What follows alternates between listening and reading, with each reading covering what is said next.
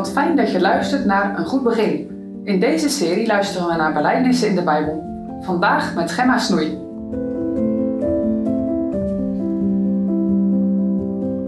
De belijdenis van Noach. Bouwen. We lezen Genesis 6, vers 9 tot 14a en vers 22. Dit zijn de geboorten van Noach. Noach was een rechtvaardig, oprecht man in zijn geslachten. Noach wandelde met God. En Noach gewon drie zonen, Sem, Gam en Jafet. Maar de aarde was verdorven voor Gods aangezicht, en de aarde was vervuld met wrevel. Toen zag God de aarde, en zie, zij was verdorven, want al het vlees had zijn weg verdorven op de aarde. Daarom zei God tot Noach: Het einde van alle vlees is voor mijn aangezicht gekomen, want de aarde is door hen vervuld met wrevel. En zie, ik zal hen met de aarde verderven. Maak u een ark van goverhout. En Noach deed het. Na al wat God hem geboden had, zo deed hij.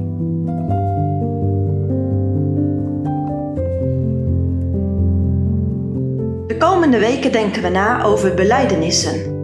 Wat is dat, beleiden? Als je dit woord in het woordenboek opzoekt, dan is de verklaring een geloof aanhangen of openlijk voor je standpunt uitkomen. Het kan wel eens moeilijk zijn om dit te doen, vooral als je hierin alleen staat. Op je werk, op school of bij vrienden speelt geloof misschien helemaal geen rol.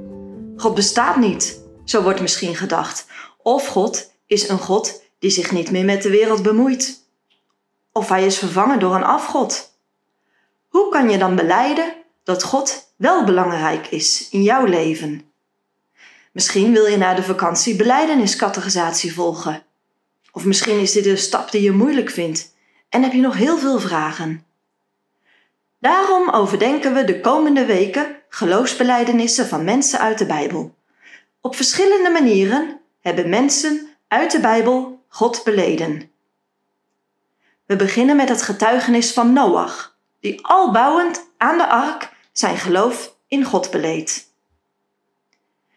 In de Bijbel staat over Noachs geboorte en Lamech, Lamech noemde zijn naam Noach, zeggende: Deze zal ons troosten over ons werk en over de smart onze handen, vanwege het aardrijk dat de Heere vervloekt heeft. De schepping die eens zo mooi en zeer goed was, is vervallen tot de vervloekte aarde. De meeste mensen dienen God niet en leven volgens eigen inzichten. Het berouwde de Heere zelfs dat hij de mens op aarde gemaakt heeft. Dan geeft God Noach een opdracht. Hij moet een ark bouwen, want er komt een watervloed op de aarde. Alle mensen en dieren zullen sterven, maar er is redding voor alle mensen die vluchten in de ark. Denk je eens in wat een opdracht Noach krijgt. Hoe bizar lijkt het om een ark te bouwen als er geen water is waarop het schip kan wegvaren? Denk eens aan al het werk. Die ark moet 140 meter lang worden, 23 meter breed en 14 meter hoog zijn. Een monsterklus. Wacht op Noach. Wijst Noach God op de onmogelijke omstandigheden? Het gebrek aan water? Vraagt hij God nog wat geduld met de mensen te hebben, zodat zij zich zullen bekeren? Gaat Noach met God de discussie aan dat hij onmogelijk uit zichzelf een olifant in die ark krijgt? Nee, Noach gelooft, zwijgt en bouwt. 120 jaar lang. Hij kapt bomen en hij zaagt planken, bouwt een schip met kamers, een venster en een deur. Er wordt eten verzameld voor zijn gezin en voor de dieren die God zelf in de ark zal leiden. Hoe kan Noach dit begrijpen, geloven en doen? Hoe dan? Het antwoord staat in Hebreeën 11, vers 6.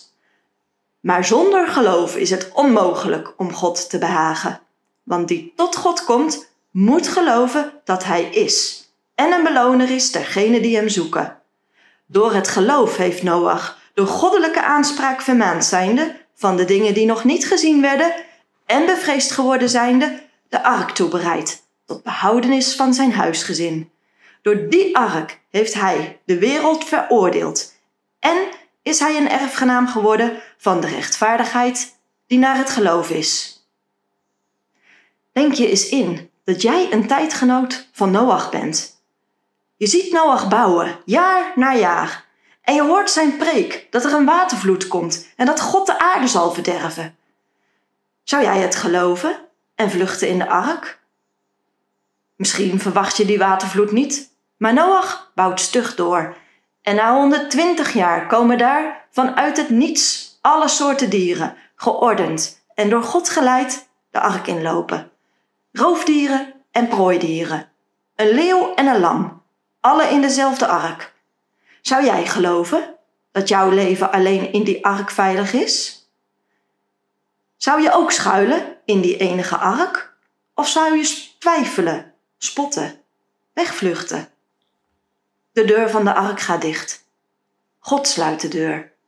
Het water komt. 120 jaar profetie wordt vervuld. Alle mensen en dieren buiten de ark sterven. Noach en zijn gezin geloofden Gods woord en zijn veilig in de ark. Stel dat de Heer jou een onmogelijke opdracht geeft. Wat is dan jouw antwoord? Gehoorzaam je, net als Noach? Vandaag zegt de Heere tegen jou: er is een ark van behoud. Kom. Wat doe je daarmee? Begin je te spotten, zoals de mensen ten tijde van Noach? Of geloof je zijn woord?